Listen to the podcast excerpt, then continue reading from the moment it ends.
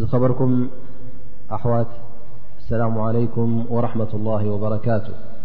እነሆ ተፍሲር ሱረት በቀራ እናቐፀልና ኢና ኣብ ዝሓለፈ ቅንያት ክሳዕ ኣያ መበል 2ስራን ሓሙሽተን በፅሕና ነርና ማለት እዩ ኣብኡ እተን መጀመርያ ኣያ ብዛዕባ እቶም ሙእምኒን ብዛረባ ጠቒስና ብድሕሪኡ ክልተ ኣያ ብዛዕባ ካሓቲ ብድሕሪኡ እውን ብዛዕባ ሙናፍቒን ዝመፀ ናይ ብዛዕባ ሙናፍቒን ዝመፀ ኣያታት ጠቒስናን ፈሲርናን ነርና ድሕሪኡ እውን ኣላ ስብሓን ወተላ ንኩሉ ሓፋሽ ህዝቢ ንኩሉ ሰብ ፃውዒት ገይሩ ንዕኡን ከምልኹን ንኡ ክግዝኡን ከም ዘለዎም እዚ ጠቒስና ነርና ከምኡ ውን ኣብ ርእሲኡ ኣላ ስብሓን ወተላ እንተ እዚ ቁርን እዚ ካብ ኣላ ኣይኮነን ወይ ከዓ ዋይ ናይ ራእይ ናይ ኣላ ኣይኮነን ኢልኩም እንተ ትቃወሙ ኣለኹም ኮይንኩም እስኪ ንዑ ዝመስል ቁርን ኣምፅኡ ኢሉ ነቶም ሙሽርኪን ከምኡ ውን ነቶም ካሓቲ ኣብ ውርዲ ኣትዮ ነይሩ ማለት እዩ ግን እሶም ነዚ ቁርን እዚ ዝመስል ቁርን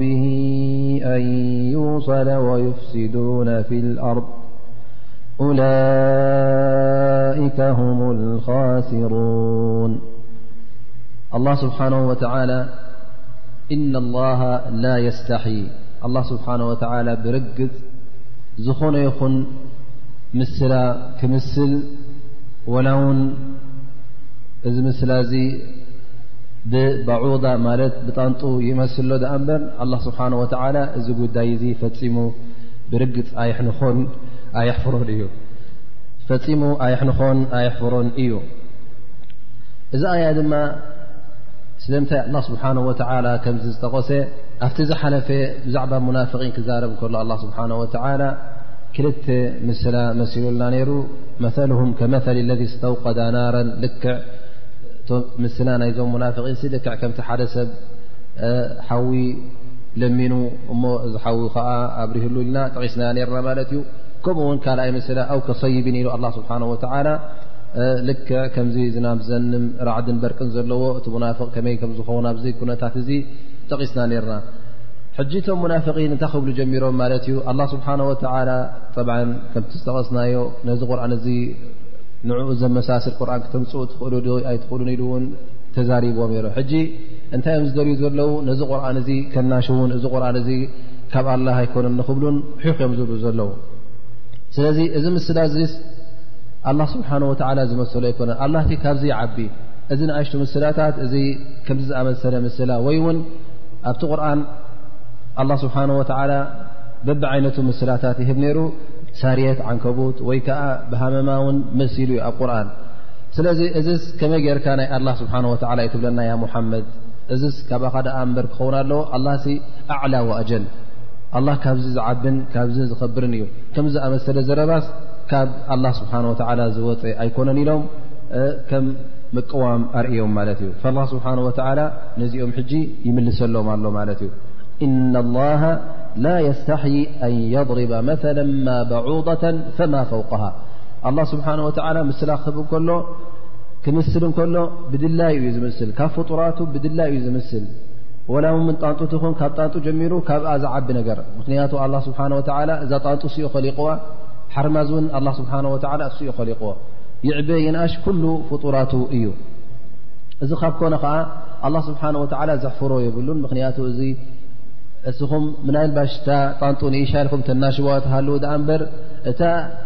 ኣብ ጣንጡ ዘላ ሩሕን ምስጢር ናይዛ ሩሕን ኣብ ሓርማዝ ይኹን ኣብ ዓብዪ እንስሳ ዘሎ እቲ ምስጢር ናይ ሩሕ ብጀካ ኣላ ስብሓን ወተላ ዝኽእሎን ዝኸልቆን የለን ክልቲኦም ሩሕ ኣለዎ ናይ ዝዓበየን ናይ ዝንኣሸን ክትርኢ የብልካን እንታይ ደኣ እቲ ምስጢር ኣብዚ ዘለውን ክትፈልጦ ኣለካ ኣላ ስብሓን ወተላ ክፈጥራ ነዛ ጣንጡ ትኹን ዝኾነ ፍጡር ክፈጥር ሓያይ ገበረን ከምኡውን በዚ ፍጡር እዚ ምስላ ክህብ ሓያ ኣይገበረን ምክንያቱ እቲ ቀንዲ ነገር እስኻ ንዓኻ ንክትርዳእ እስኻ በቲ እስኻ ትፈልጦ በቲ ኣብ ቅድሜኻ ዘሎ ኣብ ዓይንኻ ዘሎ እዚ ምስላ ስለምንታይ ኢኻ ትህቦ ንሓደ ሰብ ምስላ ክትምስል ከለኻ ስለምንታይ ኢኻ ትምስል ከተቕርበሉ ኢልካ እቲ ትርጉም እቲ ደልዮ ዘለኻ ትርጉም እቲ ደልዮ ዘለኻ ቃል ክበርሃሉን ብዝያዳ ኣብ ልቦናኡ ክኣትወሉን ኢልካ ኢኻ ትምስል ዘለኻ ስለዚ ክትምስለሉ ከለኻ በቲ ዝፈልጦን በቲ ዝዓግበሉን ምስላ ትምስለሉ ማለት እዩ ላ ስብሓን ወተላ እዚ ምስላ እዚ ክምስሉ እንከሎ ምንም ኣየሕንኸንን እዩ ምንም እውን ኣየሕፍረንን ኢሉ በዛ ኣያ እዚኣ መሊሱሎም ማለት እዩ ምክንያቱ ሶም ክላገፁ እዮም ዳኣ እምበር እቲ ምስላ ሓቂ ከም ዘይኮነ ዘይምፍላጥ ኣይኮነን ግን እንታይ እዮም ደልዩ ዘለዉ ነዚ ቁርን እዚ ከናሽዉ ማለት እዩ እንተ ዳኣ ርእና መለ ብዛዕባ እቶም ካሓቲ ነቶም ኣስናም ይኹኑ ነቶም ስእልን ምስልን ከምልኹ ከለዉ ኣላ ስብሓን ወተላ እንታይ ዓይነት ምስላ ሂቡ እተ ክንርኢ ኮይንና እንታይ ይብል ያ ኣዩሃ ናሱ ضሪበ መተሉ ፈስተሚዑ ላ ኣንቱም ሰባት ኩሉ ሰባት ፅዋዕ ኣለኻ ማለት እዩ ضሪበ መተሉ ፈስተሚዑ ላ ምስላ ይምስላ ኣሎ እሞ ፅን ኢልኩም ደኣ ስምዕዎ እዚ ምስላ እዚ ፅን ኢልኩም ስምዕዎ ኢሉ ኣላ ስብሓን ወተላ ضሪበ መተሉ ፈስተሚዑ ላ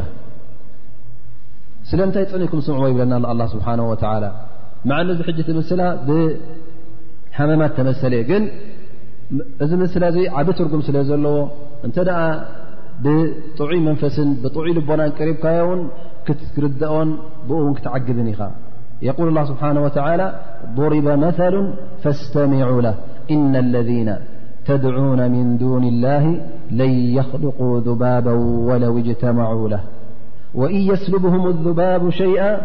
ላ የስተንቅዙሁ ምን ضዕፍ ጣልቡ ወልመጥሉብ ኣላ ስብሓን ወተላ እንታይ ይብል ኣሎ ነዚ ፅንፅያ ከም ምስላ የቕርቦ ኣሎ ማለት እዩ እቶም ትግዝእዎም ዘለኹም ኣስናም ይኹኑ ምስልን ስእልን ይኹኑ ወይ እውን ኣውልያ ትብልዎም ይኹኑ ወይ እውን ሳልሒን በልዎም ወይ እውን ዝኾነ እተ ከም ኣላ ወይ ከም ጎይታ ገይርኩም ትግዝእዎም እተ ኣለኹም ኮይንኩም እዚኦምሲ ኩሎም ለን የክልቁ ذባባ ሃመማ ክኸልቁ ኣይክእሉ ዮም ሃመማ ክፈጥሩ ይክእሉ ዮም ወለው እጅተመዑ ላ ኩሎም እቶም ብዘይካ ኣላ ስብሓን ወተላ ይተኣከቡ ክርስትያን ንኣብነት ንመርየም ይኹን ሰይዳ መርየም ለ ሰላ ንዒሳ ይግዝእዎም ከም ጎይቶት ገይሮም ልክዕቲ ንኣላ ስብሓ ወላ ክወሃብ ዝግባእ ይህብዎም እቶም ካልኦት ሙሽርኪን ባዕሎም ፀረብዎም ኣእማን ባዕሎም ፀረብዎም ምስልን ስእልን ንዕኦም ግዝእዎም ካልኦት እውን ኣለው ንከብቲ ንብዕራይ ንእንስሳ ወይ ውን ንሰብ ክ ወሊ እናበሉ ዝግዝእዎም ኣሎ እዞም ኩሎም እትግዝእዎም ዘለኹም ኩሎም ተኣኪቦም ሃመማ ክኸልቁ ኣይክእሉን እዮም ሓንቲ ሃመማ ክኸልቁ ይክእሉ እዮም ብ ስብሓ ወእን የስልብም ዝባቡ ሸይአ ላ የስተንክ ጥራይ ክኸልቁዎ ዘይኮኑስ እንተ እዚ ሃመማ ንገዛእ ርእሱ ገለ ነገር እተሕዲግዎም ንኣብነት ስኻ ኣብ ቁስልኻ መፅኡ ኣብ እታ ደምካ መፅ ኣቢሉ እተ ወሲድዋ እታ ደምካ ካብዚ ሃማ ዚ ክትመልሳ ትኽእል ክትሕድጎ ትኽእል ተኣኪብኩም ውን ምፁ ንዑ ኣውፅዋ ክርእኩም እየ ይብል ኣ ስብሓ ኣይኮነ ዶ ክትኸልቁዎስ እንተ ገለ ነገር ኣሕዲግኩም ውን እተ ገለ ነገር መንጢልኩም ውን ካብኡ ክትመልስዎ ኣይትኽእሉን ኢኹም ضعፍ ጣልብ ወልመطሉብ ኩልኹም ድማ ኣብ ቅድመይ ሰነፋት ኢኹም ጣልብ ወመሉብ ሃመማ እቲ ገለ ካባኻ እተ ወሲዱ ክትሕድጎ ዘይከኣልካ ሃመማ ይኹን ወይ እውን ንስኻ እተ ነዚ ሃመማ እ ክትሕድጎ እተ ትፍትና ኣለካ ኮንካ ነታ ዝበልዓ ነገር ኩላ ክትረኽባ ኣይትኽእልን ኢኻ ምኽንያቱ እቲ ምስጢር ናቱ ስለ ዘይትፈልጦ እቲ ሮሕ ና እቲ ዝበልዖ እቲ ዝሰተዮ ኣበይ ከምዝወስዶ ስለ ዘይትፈልጥ ክትመልሶ ኣይትኽእልን ኢኻ እዚ ሓደ ምስላ ካልኣይ ምስላ እውን ኣብ ካልእ ሱራ ኣላ ስብሓን ወተላ ዘምፅኦ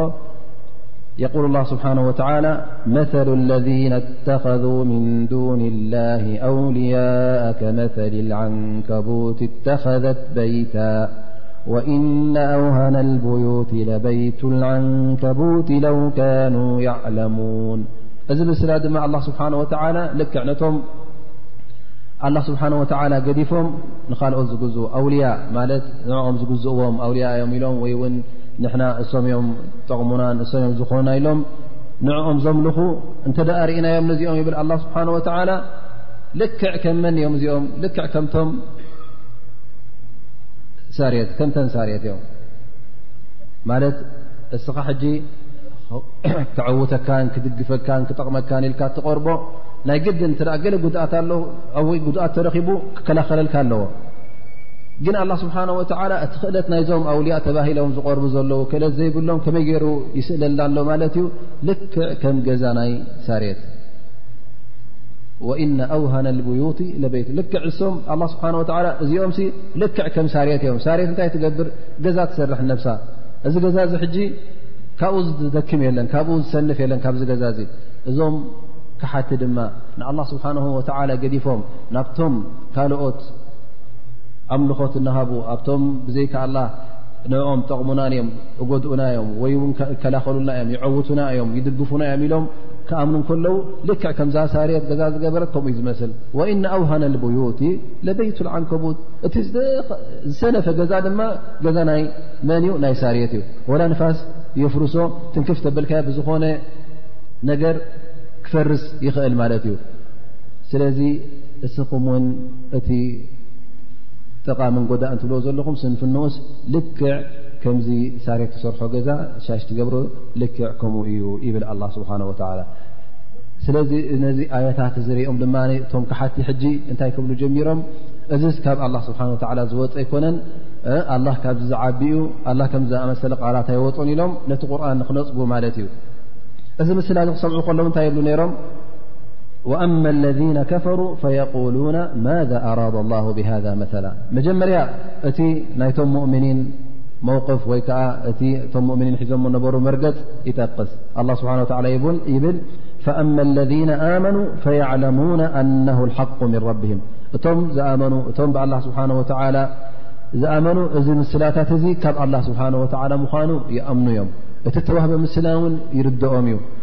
ክርድኦም እንከለዉ ብዝያዳ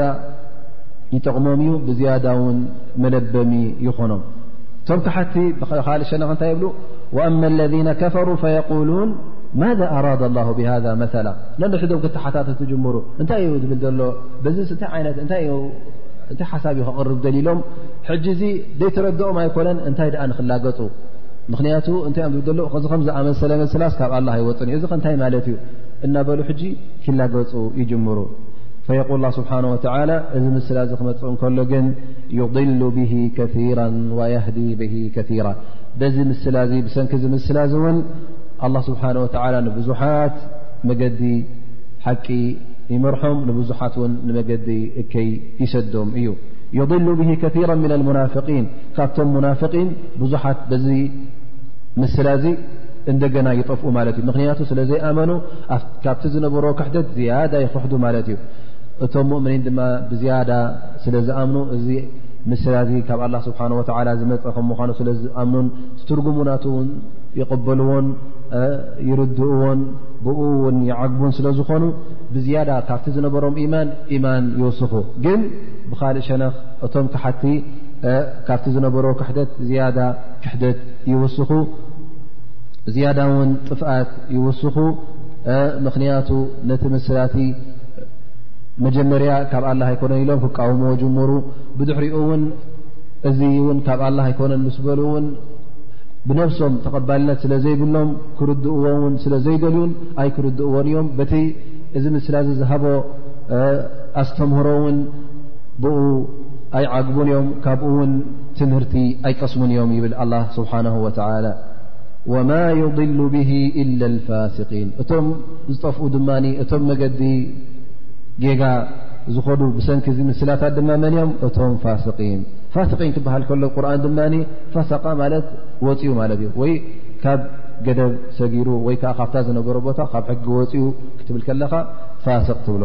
ስለዚ ኣብ ቁርን ሕጂ ሓደሓደ ግዜ ፋስቂን ክበሃሉ ከለዉ ንመን ይጠቅስ ነቶም ክሓቲ ክፋር ክኾኑ ከለዉ ፋሲቂን ውን ይበሃሉ እዮም ወይ ኣስላማይ እንከሎ ውን ማዕስያ ዝገብር ዝኑብ ዝገብር እተ ኮይኑ ውን ፋስቅ ይበሃል ግን ክልቲኦም ካብ ምንታይ እዮም ወፂኦም ዘሎ እቲ ካብቲ ቀንዲ ገደብ ናይ ሃይማኖት ሰጊሩ ኣሎ ወይ ከዓ ካብቲ ቀንዲ ደረት ናይ ሃይማኖት ሰጊሩን ወፅኡን ኣሎ ማለት እዩ እዚ እቲ ክሓዚ ካብ ዲን ዝወፅእ ማለት እዩ እቲ ማዕስያ ዝገብር እቲ በዓል ዘንቢ ድማ ካብቲ ኣላ ስብሓን ወተዓላ ዝሃቦ መስመራት ወይ ከዓ ሕግታት ገለገለ ገደባት ጠቂሱሎጥሒሱ ኣሎ ማለት እዩ ወይ ከዓ ሰጊሩ ኣሎ ማለት እዩ ስለዚ ካብ ሕጊ ክትወፅእ ከለኻ እቲ ሕጊ ሓደሓደ ግዜ ካብ ዲን ዘውፅዕካ ክኸውን ይኽእል እዩ ሓደሓደ ግዜ ድማ ኣብኡ ከለካ ጥረያ ውሽጢ እቲ ዲን እስልምና ከለኻ ገለገለ ሕጊታት ትሰግር ከለኻ እዚ እውን ፍሱቅ ይበሃል ማለት እዩ እቲ ዝኸፈ ፊስቅ ድማ ክሕደት እዩ ምሽሪክ ክትከውን ወይውን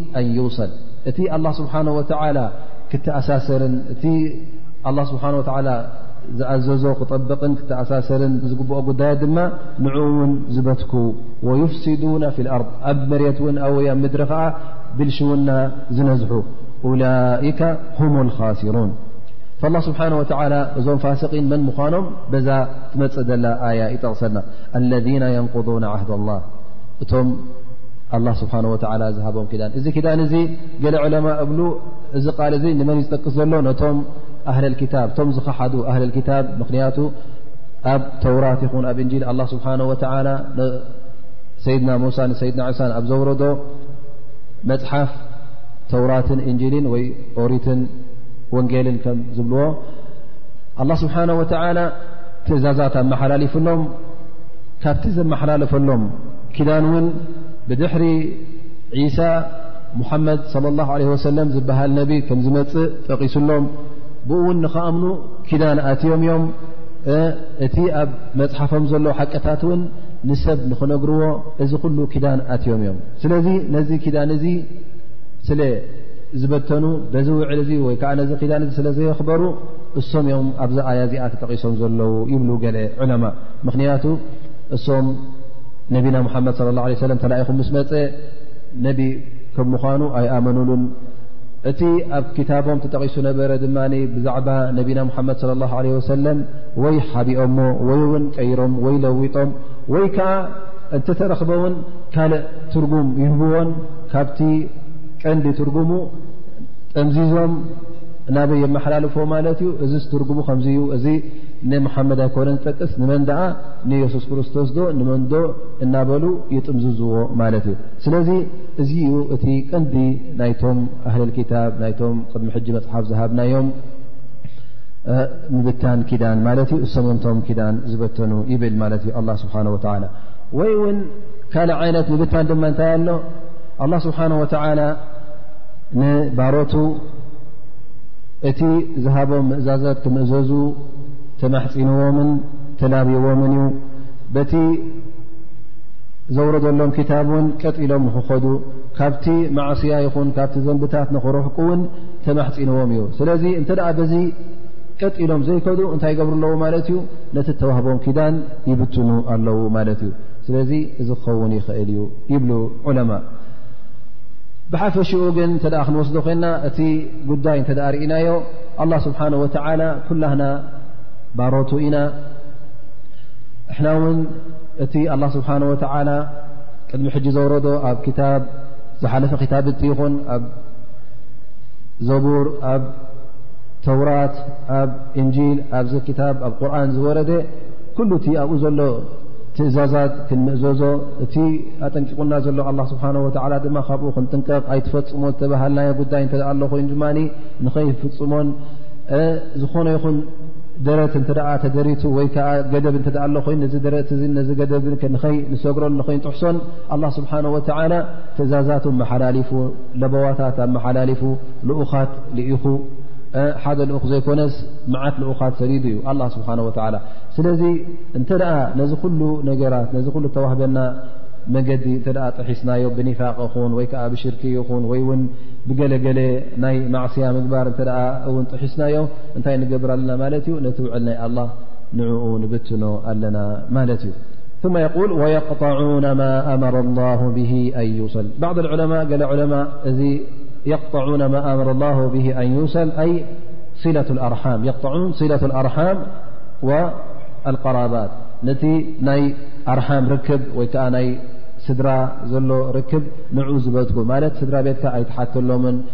ንኣሕዋትካ ንሓውቦታትካ ነዝማትካ ሞታትካ ይኹኑ እቶም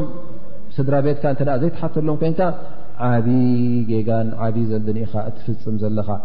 ምኽንያቱ እቲ ስለት ርሕም ተባህለ ቀሊል ነገር ኣይኮነን ኣብዚ እውን ኣላ ስብሓን ወተላ ካብቲ ተግባራት ናይ ካሓቲ ከም ምኳኑ ወይ እውን ካብ ተግባራት ናይቶም ፋስቂን ካብ መገዲ ዝወፁ ናቶም ከም ምኳኑ ኣብዚ ኣያ እዚኣ ይጠቕሳሎ ማለት እዩ ወየቕጠዑና ማ ኣመረ ላሁ ብሂ ኣን ይውሰል ባዕض ዑለማ እውን እቲ የቅጠዑነ ማ ኣመረ ላ ብ ኣን ይውሰል ካብ ናይ ጥራይ ናይ ስድራ ቤት ርክብ ምብታኽ ጥራይ ኣይኮነን እንታይ ደኣ ካብኡ ዝዓበየ ኩሉ ነገር ኣላ ስብሓን ወተላ እሰሮ ዝበለካ እንተ በቲንካዮ ኩሉ ነገር ኣላ ስብሓን ወላ ዝኣዘዘካ እተ ትብትን ኮንካ እዚ እውን ትሕቲኡ ይኣትዩ ይብሉ ገለ ዑለማ ስለዚ ተቐንደ ነገር ክንርድኦ ዘለና እቲ ስለት ራሕም ንገዛእ ርእሱ ኣላ ስብሓን ወተላ ዝኣዘዞ እዩ ካልእ ዓይነት ውን ተግባራት ኣላ ስብሓን ወተላ ናይ ኣሕዋትካ ምኽባር ይኹን ናይ ዝኾነ ይኹን ርክባት ኣብ መንጎኻን ኣብ መንጎ ቶም ኣሕዋትካ ስላም ዘሎ ይኹን እቲ ርክብ ኣብ መንጎኻን ኣብ መንጎ ካልኦት ዘሎ በቢ ዓይነት ርክባት ኣሎ ማለት እዩ ኣብ መንጎኻን ኣብ መንጎ ወላዲኻን ርክብ በበይኒ እዩ ኣብ መንጎኻን ኣብ መንጎቶም ካልኦት ስድራኻ ኣብ መንጎኻን ኣብ መንጎቶም ካልኦት ኣስላምን ኣሕዋትካን ብዙሕ ዓይነት ርክባት እዩ ዘሎ እሱ እውን ኩሉ ኣላ ስብሓን ወተዓላ ከመይ ጌርካ ከም ትፍፅሞ ኣበየናይ መገዲ ጌርካ ውን ከም ትኸዶ ጠቒሱልካ እዩ እንተ ነዚ በታቲኽካዮ ወይ ከዓ ካብቲ ኣላ ስብሓን ወተዓላ ዝኣዘዘካ እንተ ሰጊድካ እንታይ ትኸውን ኣለኻ ማለት እዩ ነቲ ኣላ ስብሓን ወተዓላ እሰሮ ዝበለካ ንዕኡ ትብትን ኣለኻ ማለት እዩ ኡላይከ ሁም ልካሲሩን እዚኦም ድማ እቶም ክሳረኛታት እዮም ብጀክኦም ኣብ ክሳራ ዝወደቀ የለን ኣላ ስብሓን ወተዓላ ድማ እስኹም ኢኹም ኣንቱም ክሳረኛታት ክብለካ ከሎ እዚ ሕጂ ብጣዕሚ ከሰንብደካ እዩ ዝግባእ ምኽንያቱ እዚ ናይ ሳንቲምን ናይ ክልተ ሳንቲምን ናይ ቀርሽን ናይ ክልተ ቀርሽን ክሳር ኣይኮነን ናይ ገንዘብ ኣይኮነን ፅባሕ ክትክኦ ዝኽእል ኣይኮነን እንታይ ደኣ ናይ ኣዱንያን ናይ ኣኼራን ክሳራ እዩ እቲ ዝዓበየ ክሳራ እዩ ኣብ ኣዱንያ ይኹን ኣብ ኣኼራ ሕማቕ ናብራ ክትነብር ኢኻ ማለት እዩ ስለዚ ኡላይከ ም ልካሲሩን ክበሃል ከሎ ልክዕ እውን ሓደሓደ ግዜ ነቶም ካሓቲ ልካ ከምታ ፋሲቂን ክሊመት ፋሲቂን ዝበልናያ ሓደሓደ ግዜ ኣላ ስብሓን ወተዓላ ነቶም ካሓቲ ኡላይከ ም ልካሲሩን ይብሎም ሓደሓደ ግዜ እውን ነቶም ዘንቢ ዝገብሩ ዘለዉ ኣስላም እውን ኡላይከ ም ልካሲሩን ኢሉ እውን ይጠቕሶም እዩ ተክሳራ ክበሃል ድማ ከም ዝበልናዮ ኣላ ስብሓን ወተዓላ ንባሮቱ ዝኸለቀ ወይ ከዓ ዝኸለቃ ዓባይ ራሕማ ኣላ ማለት እዩ ኣላ ስብሓን ወተዓላ ንባሮቱ ቀንዲ ነገር እንታይ እዩ ፈሪቕሎም ዘሎ እታ ፅባሕ ንግ ጠቕሞም ታራሕሙ ምኽንያቱ እሕና ዝገበርና እንተገበርና ኣላ ስብሓን ወተዓላ እቲ ዝሃበና ሽሻይን ነቲ ዝሃበና ሰናያትን ንዕ እኳ ክንዓፁ ይንኽእልን ኢና ግን ጀና ክኣቱ እንተ ኮይኑ ሓደ ሰብ ብራሕሚ ኣላ ስብሓን ወተዓላ ከምዝኣቱ ኩላህና ንኣምነሉ ኢና ኣነቢ ስለ ላ ለ ወሰለም እውን ገዛእ ርእሶም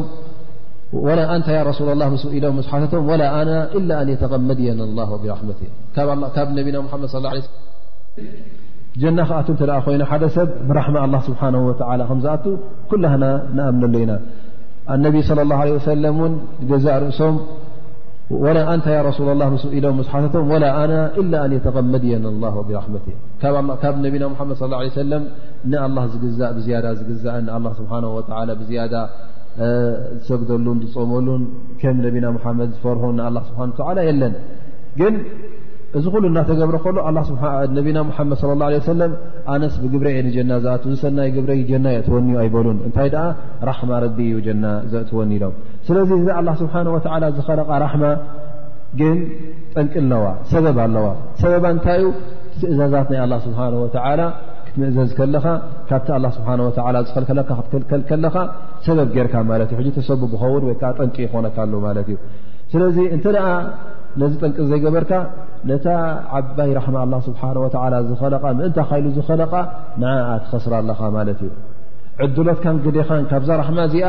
ባዶ ተሪፉ ማለት እዩ እሳ ሕጂ ከም እንታይ እያ ራእሰልማል ኣላ ስብሓን ወላ ንመን ይኸሊቕዋ እዛ ራሕማ ንዓኻ ብኣ ገይሩ ጀና ንክእትወካ እስኻ እተ ነዚኣ ከሲርካ ራእሲ ማልካ ማለት እያ ንዓ ትኸስር ኣለኻ ማለት እዩ ልክዕ ከምቲ ነጋዳይ ከሲሩ ክትብሎ ከለኻ እንታይ ማለት እዩ ራእሲ ማል ነይርዎ ብኡ ገዚኡ ክሸይጥ እንከሎ ካብቲ ዝገዝኦ ኣብ ክንዲ ዝኸስብ ካብቲ ዝገዝኦ ዋጋ ካብኡ ግዲሉ ክሸይጥ እንከሎ ብዓሰ ቅርሺ ዝገዛኣ ኣብ ክንዲ ብ12ዓ1 ዝሸጣ ብትሸዓ ወይ ብሸሞ ክሸጣ ከሎ እንታይ ትብላ ኣለኻ ሕጂ ከሲሩ ትብላ ኣለኻ ማለት እዩ ተቐንዲ ዕድሎቱ ተቐንዲ ራእሰልማሉ ጎዲልዎ ማለት እዩ ስለዚ እስኻ ውን እቲ ራእሰልማልካ ትቐንዲ ዕድሎትካ እቲ ራሕማ ናይ ኣላ ስብሓን ወተዓላ ንሱ ክትስእን ከለኻ እታ ምእንታ ካይላ ተኸለቐት ርህራሀ ኣላ ስብሓን ወተዓላ ንዓ ክትስእን ከለኻ ኣብ ዓብዪ ክሳራ ኢኻ ዘለኻ ስለዚ ኩላህና ክንጥንቀቕ ይግባእ ኣብዚ ክሳራ እዚ ከይንወድቕ እቲ ኣላ ስብሓን ወተዓላ ዝሃበና ውዕል ዝሃበና ኪዳን ንኡ ተጠንቂቕና ኣብ ግብሪ ከነውዕሎ ኣላ ስብሓን ወተዓላ ዝኣዘዘና ትእዛዛት እንተ ኣሎ ኮይኑ እውን ኣሎ እዩ እውን እንተ ዝጎደለና ኣሎ ኮይኑ ጌጋታት ንገብሮ እተ ኣለና ኮይና ክንጥንቀቕ እስትቕፋር ክንገብር ቶባ ክንብል እድሚ ሕጂ ዝሓለፈ ጌጋታት ኣለና እተ ኮይኑ ኣላ ስብሓን ወተዓላ እውን ፋር ራሒም ስለ ዝኾነ ኣብቲ ትገብሮ ዘለኻ ጌጋ ንኸይትቕፅል ቶባ ኢልካ ዝተቕፍሩላ ኢልካ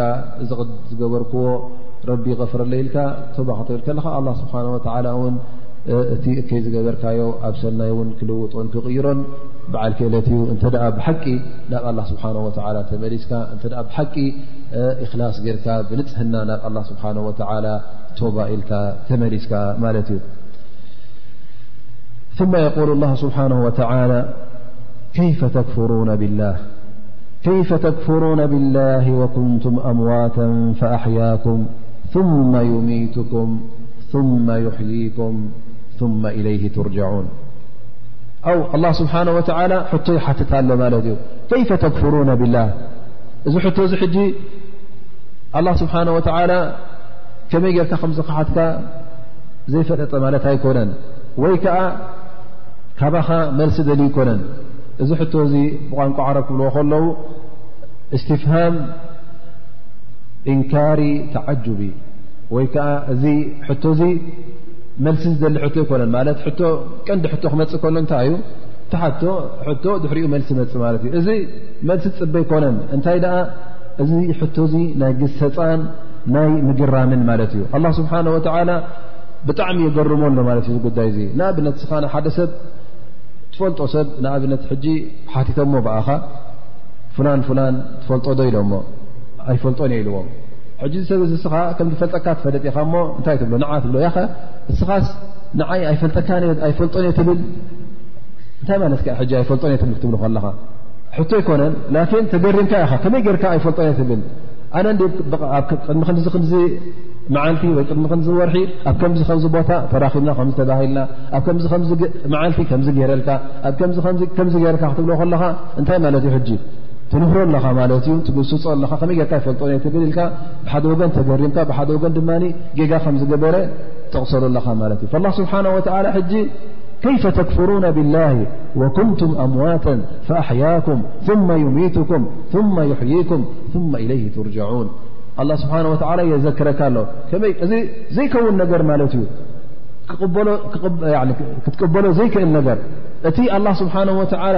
ዝኸለቐካን ማለት ቀደም ኣስለን ኣብዛ ዱንያ ህላወነት ኣይነበረካን ምዉት ኢኻ ነርካ ብድሕሪኡ ኣላ ስብሓን ወተላ ህየት ኣልቢሱ ካብ ማህፀና ዴካ ውፅእኳ ኸሊቑካ ማለት እዩ ብድሕሪኡ እውን ኣላ ስብሓን ወተላ ኣሙቱካ ዕድሜኻ ምስ ኣኸለ ወዲ ዓመት ክልተ ዓመት ዕስራ ዓመት ዕድሜኻ ይናሕ ይሕፀር ኣላ ስብሓን ወተላ ኣሚቱካ ማ ይሕይኩም ብድሕሪኡ እውን ከተስኣኩም ዩ ثመ ኢለይህ ትርጅዑን ናብኡ ውን ክትምለሱ ኢኹም ላ ስብሓን ወተላ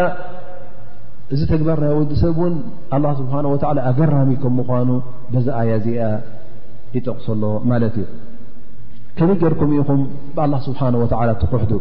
ከመይ ጌርኩም ኢኹም ኣላ ዝበሃል የለን ፈጣሪ ዝበሃል የለን ኸላቂ ዝበሃል የለን እዚ ኣዱንያ ባዕሉ ዩ ተኸሊቁ ጠቢዓ ወይ ከዓ ባህርያዊ እዚ ናይ ዓለም እዚ ባዕሉ ዩ ዝኸይድ ዘሎ ናይ ኔቸር እዩ እምበር ዝኸለቆ የለን ትብሉ ከመይ ጌርኩም ኢኹም ወይ እውን ከመይ ጌርኩም ኢኹም እንተ ብኣላ ትኣምኑ ኮይንኩም ፈጣሪ ከም ዘሎ ትኣምኑ ከመይ ጌርኩም ኹም ምስኡ ሽርካ ትገብርሉ ዘለኹም እዚ እኮ ብጣዕሚ ዘገርም እዩ እዚ እውን ብጣዕሚ ጌጋ እዩ ይብል ኣሎ ኣላ ስብሓን ወላ ከይፈ ተክፍሩና ብላሂ ወኩንቱም ኣምዋተን ፈኣሕያኩም እስኹም ዓደም ወይ ከዓ ህላውነት ዘይነበረኩም ርኩም ብድሕሪኡ እውን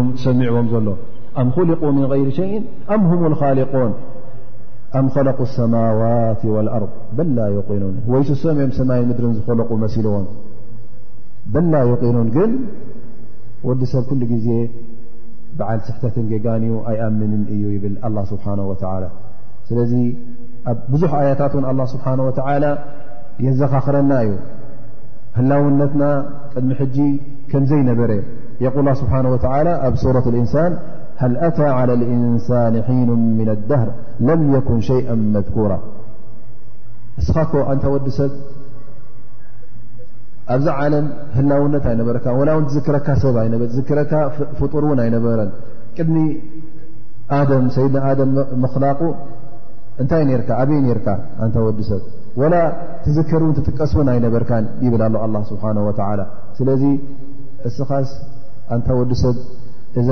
ነብስኻ ክሳዕ ክንደይ ንእሽተይን ክሳዕ ክንደይ ሕስርትን ምዃናንሲ ዘክር ማለት እዩ ኣይትረስዕ ኣላ ስብሓን ወተላ እወ ክእለትን ፍልጠትን ገይሩ ፍሉይ ፍጡር ገይሩ ፈጢሩካ ኣሎ ግን እዚ ክረስዓካ የብሉን ኣነ ወናኒ ናይ ዓለም ኣነ ንዓለም ኩላ ዝቆፃፀራ ንዓይ ዝኽእለኒ የብለይን ኣነ ንዓይ ዝፈጠረኒ የብለይን ኣነ ከምድላየ ኣነ ናፃየ ዝኸይድ ንዓይ ገደባትን መስመራትን ማሕለኻትን ዝገብረለ የለን ኣነ ንዓይ ዝኣስረኒ ቀይዲ የለን ኢልካ ቀይዲ በተኽ ኮንካ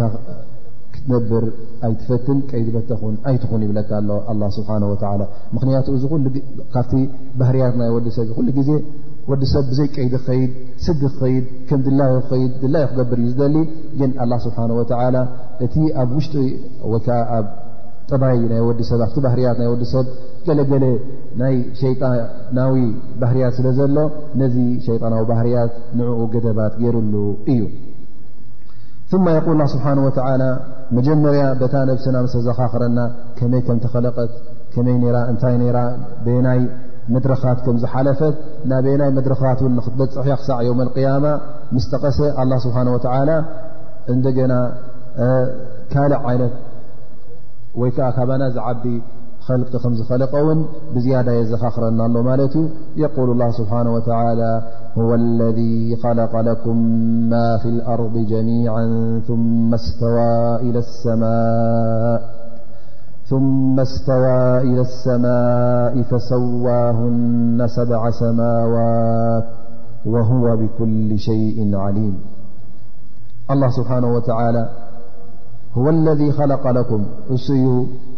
እቲ ኣብ መሬት ዘሎ ኸላቃ ለኩም ማ ፊ ኣርض ጀሚع ኣ ስብሓ ወ ኩሉ ኣብ መሬት ዘሎ ንዓኹም ኢሉ እዩ ኸሊቕዎ ትሪእዎ ኣለኹም እዛ መሬት ማያ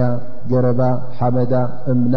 ኩሉ ኮታ ኣብኣ ዘሎ ማዕድንን ኣብኣ ዘሎ እስኹም ትድሰትሉን እስኹም ትረብሕሉን እስኹም ትጥቀምሉን ነገራት ኣ ስብሓ ወ ኩሉ ንዓኹም ኸሊቕዎ ኣሎ ትሪእዎ ድማ ኣለኹም ክሳዕ ክንደይ ጠቕመኩም ኣሎ ገዛ ትሰርሕሉ ብልዒ ካብ መሬት ኩዒትኩም ተውፅኦ ወይ ከዓ ኣብ ምድሪ ትዘርኡ ኩዒትኩም ማይ ኣውፅእኩም ወይ ከዓ ዝናብ መፅኡ እውን ማይኩም ትሰትዩ ትረውዩ እዛ ነፍስኹም እውን ተፅልሉላን እዛ ነፍስኹም ተዕርፉላን ኩሉ ካብ ደይኹም ተውፅኦ ዘለኹም ካብ መሬት እዩ እዚ ኩሉ ሽሻያትን እዚ ኩሉ ዕረፍትን እዚ ኩሉ ደስታን ካበይና ነምፅኦ ዘለና ካብቲ መሬት ፍሒርካ ተምፅኦ ወይ እውን ሓዋዊስካ ትሰርሖ ባዕልኻ ትምህዞ ነገር የለን ኩን ኢልካ ሓደ ነገር ኣይኮነልካን እዩ እንታይ ደኣ ኣላ ስብሓን ወተዓላ ኣብ መሬት በቢ ዓይነቱ ሽሻያት በቢ ዓይነቱ ማዕድናት ኸሊቕሎ ነዚ ማዕድን እዚ ኣላ ስብሓን ወተዓላ ንዓኻ ሰኺሩልካ እና ኣቃመምካ እናሓወስካ እናፀባበቕካ እናበልካ ነፋሪት ትሰርሓሉ ትጓዓዘሉ ካብ ዓዲ ናብ ዓዲ ማኪና ትሰርሓሉ ሓፂን ኣውፅኢካ ካብ ዓዲ ናብ ዓዲ እታ ማኪና እውን በንዚን እተኣ ኮይኑ ካብ መሬት ካ ኣውፅኢካዮ ኩሉ ኮታብኡ ዘሎ ካብ መሬት ዘውፃእካዮ ግን እስኻ እንታይ ካ ትገብር ዘለካ በቲ ኣላ ስብሓን ወላ ዝሃበካ ዓቕልን ክእለትን ተቃምም ጥራይ ኢኻ ዘለኻ እበር ባዕልኻ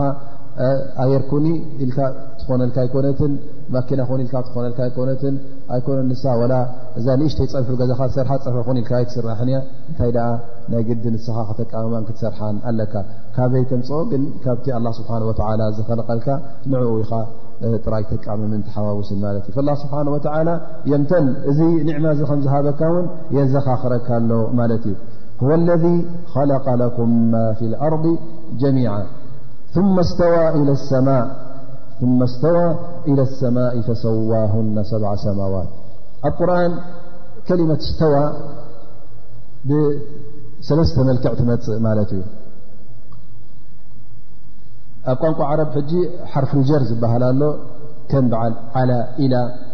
መሰጋገሪ መይ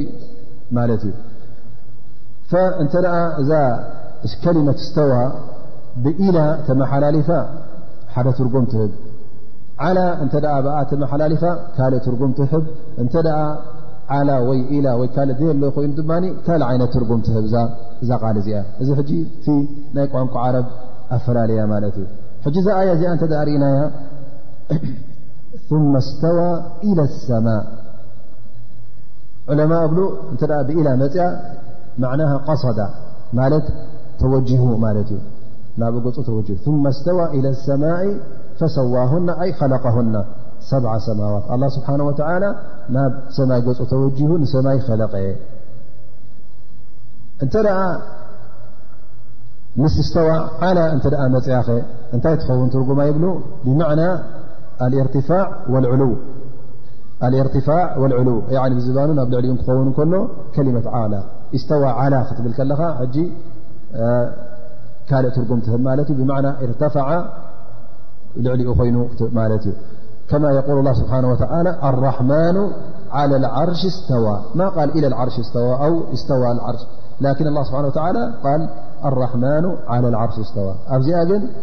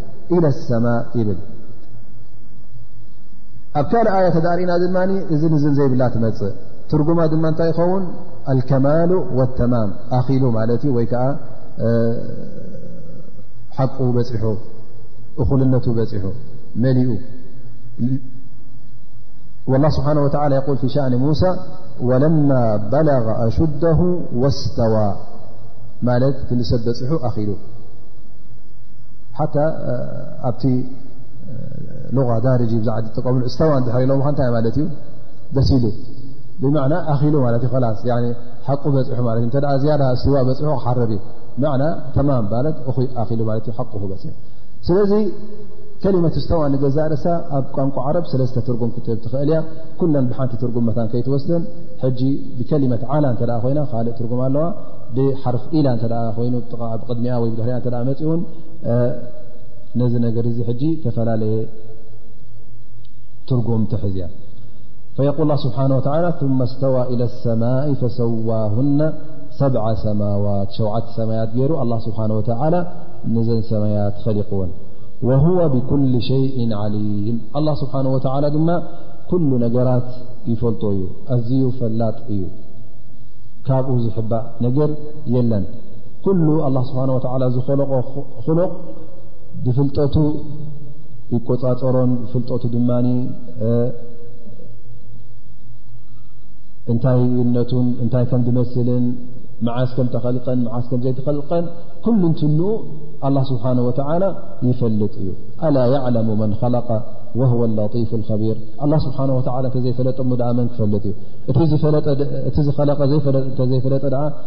መን ክፈልጥ እዩ ንሓንቲ ነገር ነዛ ማይክ ወይዓ ነዛ መክሮፎን ተዳርኢና እቲ ብዝያዳ ዝፈልጣ መን እዩ እቲ ዝሰራሓ እዩ ዝፈልጣ እንታይ ኣለዋ እንታይ ዘይብላ ገለመለጣትን እቲ ዝያዳ ዝሰራሓ እዩ ዝፈልጣ ምናልባሽ ተመሃራ እውን ክፈልጣ ክእል እዩ ዳሕራይ ግን እቲ ቀንዲ ዝሰራሓ እሱ ዝፈጣ ገለ ሓቢኡላ ተሎውን እሱ ዝፈለጥ ኣብ ከምዚ ከምዚ ቦታ ገለ ሰቑረላ ኢሉ ዝፈልጥ እሱ እዩ ንኣብነት እቲ ምናልባሽ ከምዝን ከምዝን ኣለዋ ኢሉ ክፈልጥ ንኽእል ግን ገና ብዙሕ ነገራት ውን ዘይፈልጦ ነገር እሱ ከይረኣዩ ገለ ደእተወላ ክኸውን ይኽእል እዩ ስለዚ ትዝሰርሓ ብዘላ ስለ ዝፈልጣ ላ ስብሓ ወ ን ኣላ ያዕለሙ መን ኸለቀ ወሁወ ለጢፉ ከቢር ስብሓና ላ ኣላ ስብሓ ወላ እንተ ኣ ነዚ ቁርን ቀስ ጌርካ ተረዲእካዮ ፈጥካዮ እውን ክርድእካ ይኽእል ማለት እዩ ኣላ ስብሓ ወላ ውን ነዚ ቁርን እዚ ከም ትርድኦ ንመገዲ ሓቂ ከም ዝመርሓካ ገይሩ እዩ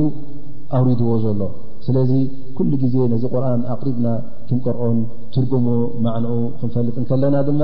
ብዝያዳ እቲ ልብና ይትርክስ ብዝያዳ ድማ ንዓግብ ብዝያዳ ድማ እቲ ኢማንና እና ብዝሐን እና ደንፈዐን ይኸይድ ዑለማ ብዛዕባ ናይ ኸልቂ ሰማዋት ወልኣርድ እውን ብዙሕ ዘረባ ኣሎ ማለት እዩ ምኽንያቱ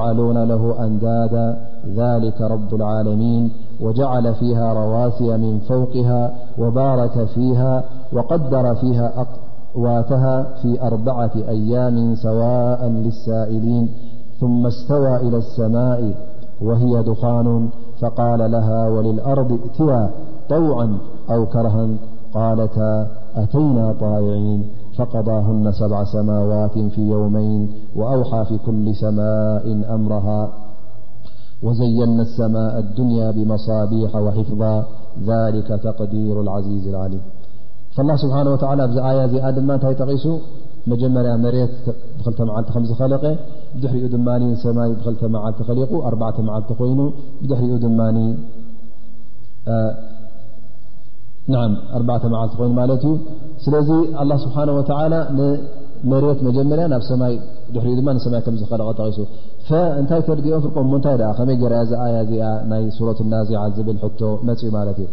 ፈዑለማ ነዚ እንታይ መሊሶምሉ ከምቲ እብኒ ዓባስ ዝበሎ ኣላ ስብሓን ወተላ ናይ ሱረት ናዚዓ ተዳርእና እንታይ ማለቱ ከም ምኳኑ ኣብታ ድሕሪያ ትመፅእ ኣያ ተጠቂሳ ኣላ ተፍሲርናታስ ብታ ድሕሪያ ዘላ ኣያ ኢና ንቐርኣ ይብሉ የል ወኣርض ባዕደ ሊከ ደሓሃ ኣኽረጀ ምንሃ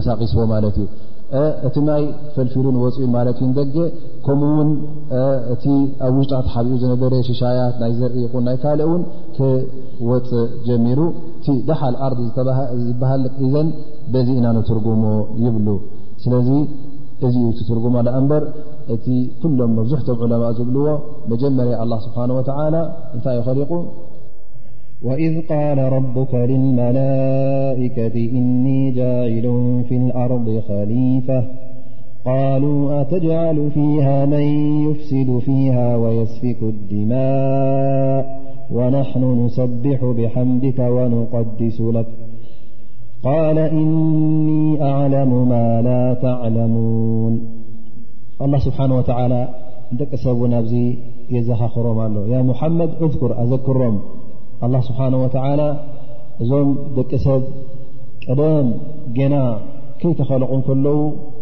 ኣላ ስብሓን ወተላ ብዛዕባኦም ምስቶም መላእካ ከም ተዛረበ እውን እዚ በዚ ሽሻይ እዚ በዚ ንዒማ እዚ እውን ኣዘክሮም ይብል ማለት እዩ ወኢዝ ቃል ረቡካ ልመላእካ ኣላ ስብሓን ወተላ ንመላእካ እንታይ ይብሎም እኒ ጃዒሉን ፊ ልኣርض ኻሊፋ ኣነስ ኣብዛ መሬት እዚኣ ጠብ ድሕሪ መሬት ማለት እዩ ኸሊፋ ማለት የኽልፉ ባዕضም ባዕض ማለት ሓድጊ ገዲፎም ዝኸዱ ዝነብሩ ዘይኮኑ ማለት ስኻ ትውለድ ወለዶ ድማ ንወለዶ ገዲፉ ወለዶ ንወለዶ ሓዲጉ ሓድጊ ገገዲፎም ዝኸዱ ፍጡራት ክኸልቕ እየ መላእካ እሶም እዮም ቀደም እታ ተኸለቑ ክሳዕ ሎሚ ክሳዕ ዮም ኣልቅያማ እሶም እዮም ክነብሩ ማለት እዩ ሓድሽ መላእካ ዝውለድ የለን ኣይዋለዱን እዮም ሰብ ፍሉይ ፍጡር ማለት እዮም ملائكة يكن الله سبحانه وتعالى حجي بزعب حدش فطور نم ملائكة تقسلم مل إني جاعل في الأرض خليفة أي يخلف بعضهم بعضا ملت ناتوالد غل والله سبحانه وتعالى بዙح آيتت ن يل وهو الذي جعلكم خلائف في الأرض የኩም ኮላፋء ف ኣርض ማ ድኩም ሓዳሓደካ ሊፋ ኸሊፋ ክበሃል ከሎ መን እዩ እቲ ድሕሪኻ ዝመፅእ ማለት እዩ የኽልፉ ባዕም ባዕም ደ ድሕሪ እቲ ቅድሚኻ ዝነበረ ክትመፅእ ከለኻ ኣንተ ተኮኑ ኸለፍተ ኸልፈ ከምኡ እናበሉ ዝቕፅሉ ፍጡራት ክፈጥር እየ ይብሎም ማለት እዩ ቶም መላእካ ስብሓን ላ ምናልባሽ ገለ ካብቲ ዝሃቦም ፍልጠት ይኸውን ወይ እውን ኣላ ስብሓን ወተላ ውን ጠቒሱሎም ነይሩ ክኸውን ይኽእል እዩ ገለ ካብቲ ባህርያት ናይዚ ሰብ እዚ እንታይ ከም ምኳኑ ገለ ጠቒሱሎም ነይሩ ክኸውን ይኽእል እዩ እንታይ ክብሉ ይሓት ይጅምሩ ቃሉ ኣተጅዓሉ ፊሃ መን ዩፍሲዱ ፊሃ ወየስፊኩ ዲማእ ወይ ካብቲ ዘፅንዕዎ ባህርያት እዞም ሰብ እዚ ዝኽለቕ ሰብ ኣላ ስብሓን ወተላ ብዙህ ባህርያት ከም ዘለዎ ጠቒሱሎም ይኸውን ግን ካብቲ ዝሰምዕዎ ወይከዓ ካብቲ ዘፅንዕዎ ባህርያት እዚ ዓይነት ባህሪ ነይሩ ክኸውን ማለት እዩ ኣተጅዓሉ ፊሃ መን ይፍሲዱ ፊሃ ወየስፊኩ ዲማእ ኣንታ ኣላ ኣብዛ መሬት ሲ ብዘይ ግቡእ ደም ዝህስስን መሬት ዘበላሽውን ፍጡር ክትፈጥር ትሓስብ ኢሎም ንኣላ ስብሓን ወተዓላ ይሓትዎ ማለት እዩ እዚ እውን እዚ ሕቶ እዚ ድማ ናይ ምቀዋም ሕቶ ኣይኮኑን ስለምንታይ ኢሎም እቃወሙ ኣለዉ ማለት ኣይኮነን እንታይ ደኣ እቲ ጉዳይ እንታይ እዩ ብልሓቱ ኢሎም እዮም ተገሪሞም ማለት እዩ ካብ ኣላ ስብሓን ወተላ ብልሓት ንምፍላጥ እዮም ንኣላ ስብሓን ወላ ዝሓትዎ ዘለዎ እንታይ ብልሓት ኣለዋ እዚኣ እንተ እዞም ሰብ እዚኦም ሲ ንሕና ሰብ ሰናይ ኩሉ ግዜ መላእካ እከይ ኣይገብሩን እዮም የፍዓሉና ማ ይእመሩን ኣላ ስብሓ ወላ ዝኣዘዞም ኩሉ ግዜ ሰናይ ጥራይ እዮም ዝገብሩ ሕጂ ኣላ ስብሓን ወተላ እከይ ዝገብር ሰብ ደም ዘፍስስ ማለት ንንሕዱ ዝቀታተል ወይ ዝቃተል እሞ ከዓ መሬት ዘበላሽዉ ሽርክ ዝገብሩ እዚኦም ትኸልቆም ኣላ እንታይ እዩ ብልሓቱ ኢሎም ክሓቱ ይጅምሩ ማለት እዩ ምክንያቱ ከምቲ ዝበልናዮ እቶም መላእካ ፍፁም ንኣላ ስብሓን ወተላ ስለምንታይ ዝገርካ ስለምንታይ ዘይገበርካ ኢሎም ክሓትዎ ዘይፍቀዶምን ከምኡ ውን እዚ ነገር እዚ ኣብ ልቦም ከም ዘይመፅእን ስለ ንፈለጥ ኢና ግን እቲ ዝሓተት ዘመሕተት እዮም ኩሉ ግዜ ከምቲ ዝበልናዮ ብልሓት እዚ ጉዳይ ንምፍላጥ እዩ ምክንያቱ ያ ኣላ እንተ ዒባዳ ኮይኑ ንፅህና ኮይኑ ንሕና ብንፅህና ንዓኻ ነምልኽ ኣለና ለይቲ ምስ መዓልቲ ዝበልካና ንገብር ኣለና ኢሎም ተገሪሞም ማለት እዩ ንኣላ ስብሓን ወተላ ሓተትዎ ፈላ ስብሓን ወተላ እንታይ ኢሉ ይምልሰሎም ቃል ወናሕኑ ንሰቢሖ ብሓምድካ ወንቀዲሱ ለት ምስ በሎ ቃል እኒ ኣዕለሙ ማ ላ ተዕለሙን ንስኹም እዛ ነገር እዚኣ ፈሪጥኩም ነዚኣ ሓዝኩም ኣለኹ ግን ኣነ ንስኹም ዘይትፈልጥዎ ነገራት ስለ ዘሎ ኣነ ካባኹም ብዝያዳ ስለ ዝፈልጥ እየ እዚ ጉዳይ እዚ ዝገብሮ ዘለኹ ስለዚ እንታይ ማለት እዩ ኣላ ስብሓን ወተላ ንስኹም ነዚኣ ነጥቢ እዚኣ ርኢኹም ኣለኹም ግን እቲ ካልእ ሰናያት እቲ ካልእ ፅቡቕ ዝግበር ካብ ወዲ ሰብ ዝርከብ እውን ብዙሕ እዩ ካብዚ ትብሎ ዘለኹም ንዕኡ ዝሽፍንን ንዕኡ ካብኡ ዝዛይድን እዩ ካብኦም ኣንብያ ክርከቡ እዮም ካብኦም ሩሱል ልኡኻት ክመፁ እዮም ካብኦም ውን እቶም ስዲቂን ዝተባሃሉ እቶም ሽሆዳ እቶም ምእንቲ ኣላ ኢሎም ትንፋሶም ዘሕልፉ እቶም ምእንቲ ኣላ ኢሎም ዝቃለሱ ምእንቲ እዚ ዲን ኢሎም ነዚ ዲን ነዘ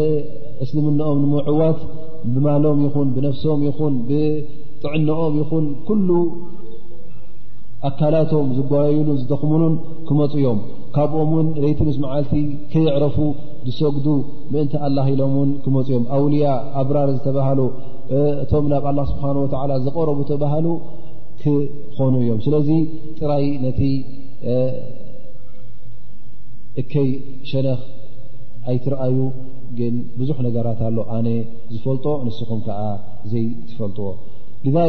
ኣላ ስብሓን ወላ እንተ ርኢኹም መላእካ የተዓቀቡና ዓ ናስ ብለይሊ ወነሃር ከምቲ ነቢና ሓመድ ለ ሰለም ማለት ኣላ ስብሓን ወተዓላ ንመሬት መላእካ ይሰድድ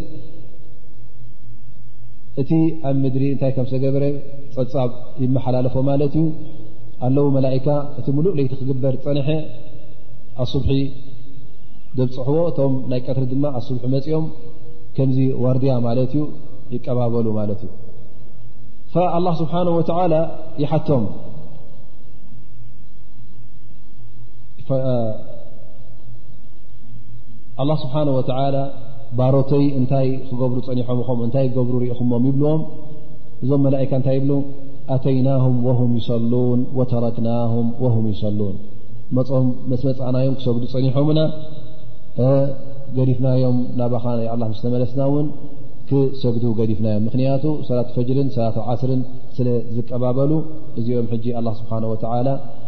እቲ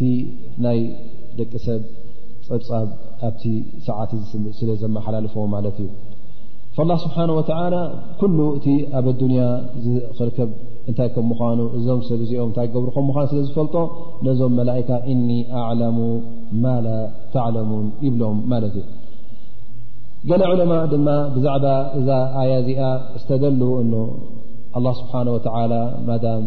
የክልፉ ባዕድም ኮላፋእ ኢና ካብ በለናስ እንታይ ዘርኢ እዚ እውን ካልእ ዓይነት እሻራ ኣለዎ እንታይ ውጁብ ኣን የኮነ ከሊፋ ልልሙስሊሚን ኣስላምሲ ናይ ግድን መሪሕነት ወይ ከዓ ከሊፋ ክህልዎም ከም ዘለዎ እዚ መሪሕነት እዚ መራሒ ድማ ምክንያቱ ደቂ ሰብ ኣብ መንጎኦም ባእስን ኣብ መንጎኦም ምስሕሓብን ምምንዛዕን ስለ ዝርከብ ነቲ መንጎኦም ዝርከብ ምፍሕፋሕ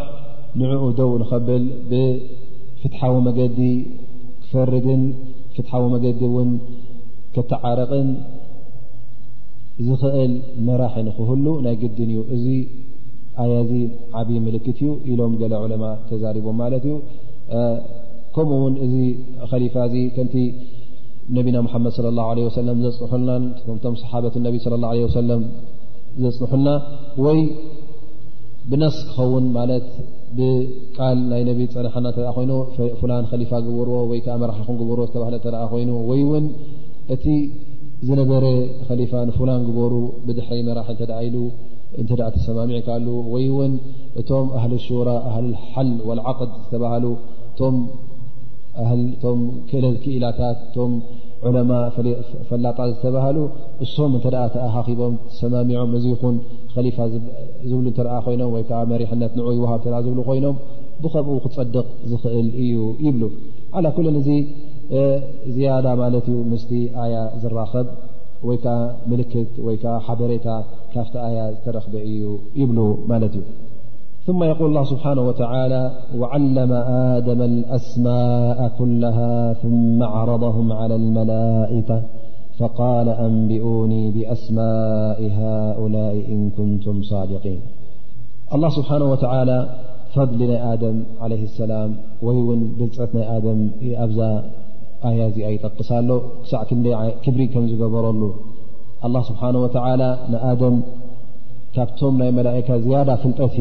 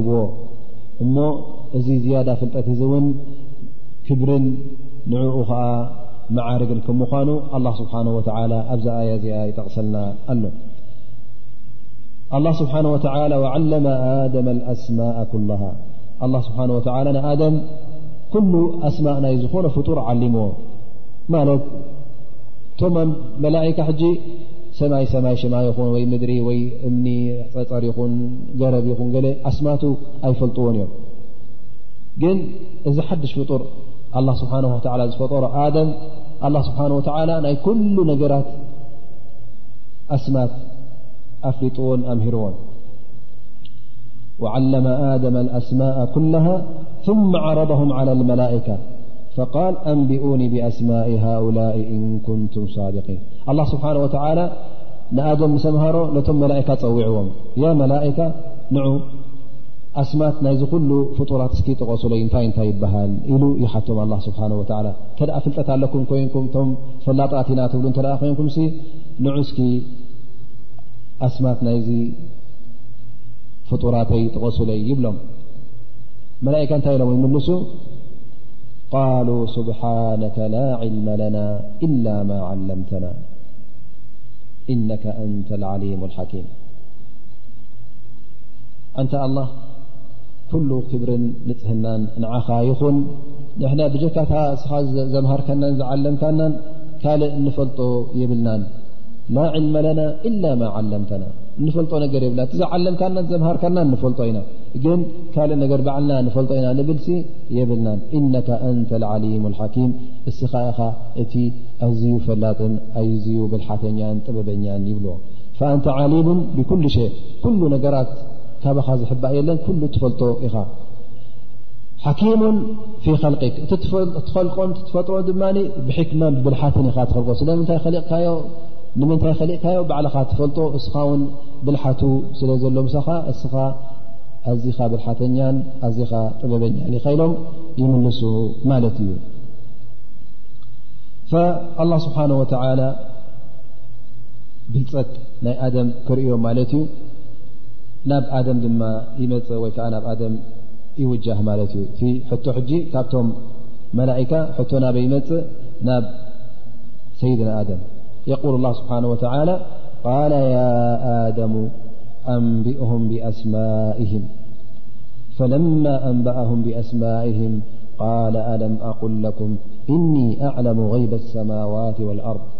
ወኣዕለሙ ማ ትብዱነ ወማ ኩንቱም ተክትሙን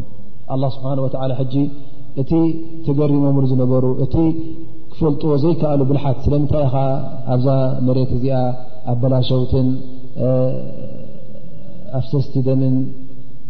እትፈጥርን እትኸልቕን ዝሉ ዝነበሩ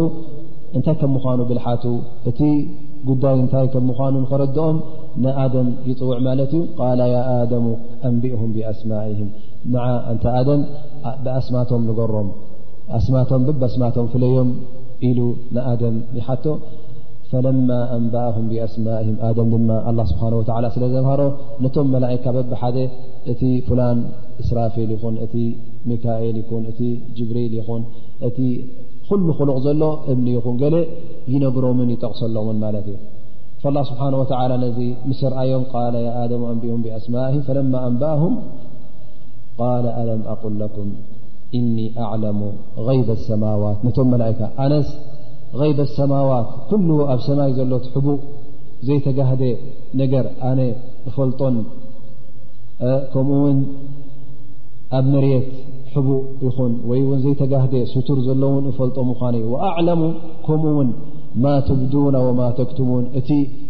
ባዕልኹም ኣብ ውሽጢ ልብኹም እትሓብእዎን እቲ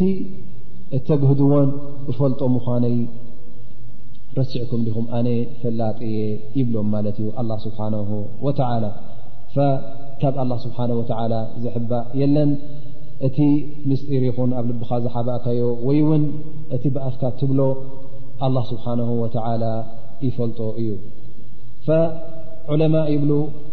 ወኣዕለሙ ማ ትብዱና ወማ ተክትሙን ዝበሎም ኣይ እቲ ዝበልኩሞ ብመልሓስኩም እንታይ ኢሎም እሶም ኣተጅዓሉ ፊሃ መን ዩፍሲዱ ፊሃ ወየስፊኩ ዲማ እዚ ሕጂ እቲ ዝገለፅኩሞን ዘግሃትኩሞን እዩ ግን ከምኡ ውን ትልብኹም ዝነበረ እውን እፈሊጦዮ ኣለኹ ምክንያቱ እሶም ውን ኣብ ልቦም ኣላ ስብሓን ወተላ እንታይ ይብሉ ነይሮም እፈልጦ እዩ እሶም ኣብ ልቦም እንታይ ዝብል ጉዳይ ሓቢኦም ነይሮም ኣላ ስብሓን ወተላ ዝኸለቀ ወይ ከዓ ዝፈጠረ ፍጡራት እተ ፈጢሩስ ካባና ዝያዳ ፍልጠት ዘለዎም ኣይክኾኑን እዮም ዝብል ሓሳብ ነይርዎም ይብሉ ገለ ዕለማ ማለት እዩ ስለዚ ንኦም ሕጂ የጋልፆም ኣሉ ማለት ቶም መላእካ እሞ እዚ ሓድሽ ፍጡር እዚ ወዲ ኣዳም እዚ ኣደምሲ ካባኹም ዝያዳ ፍልጠት ኣለዎ ስለዚ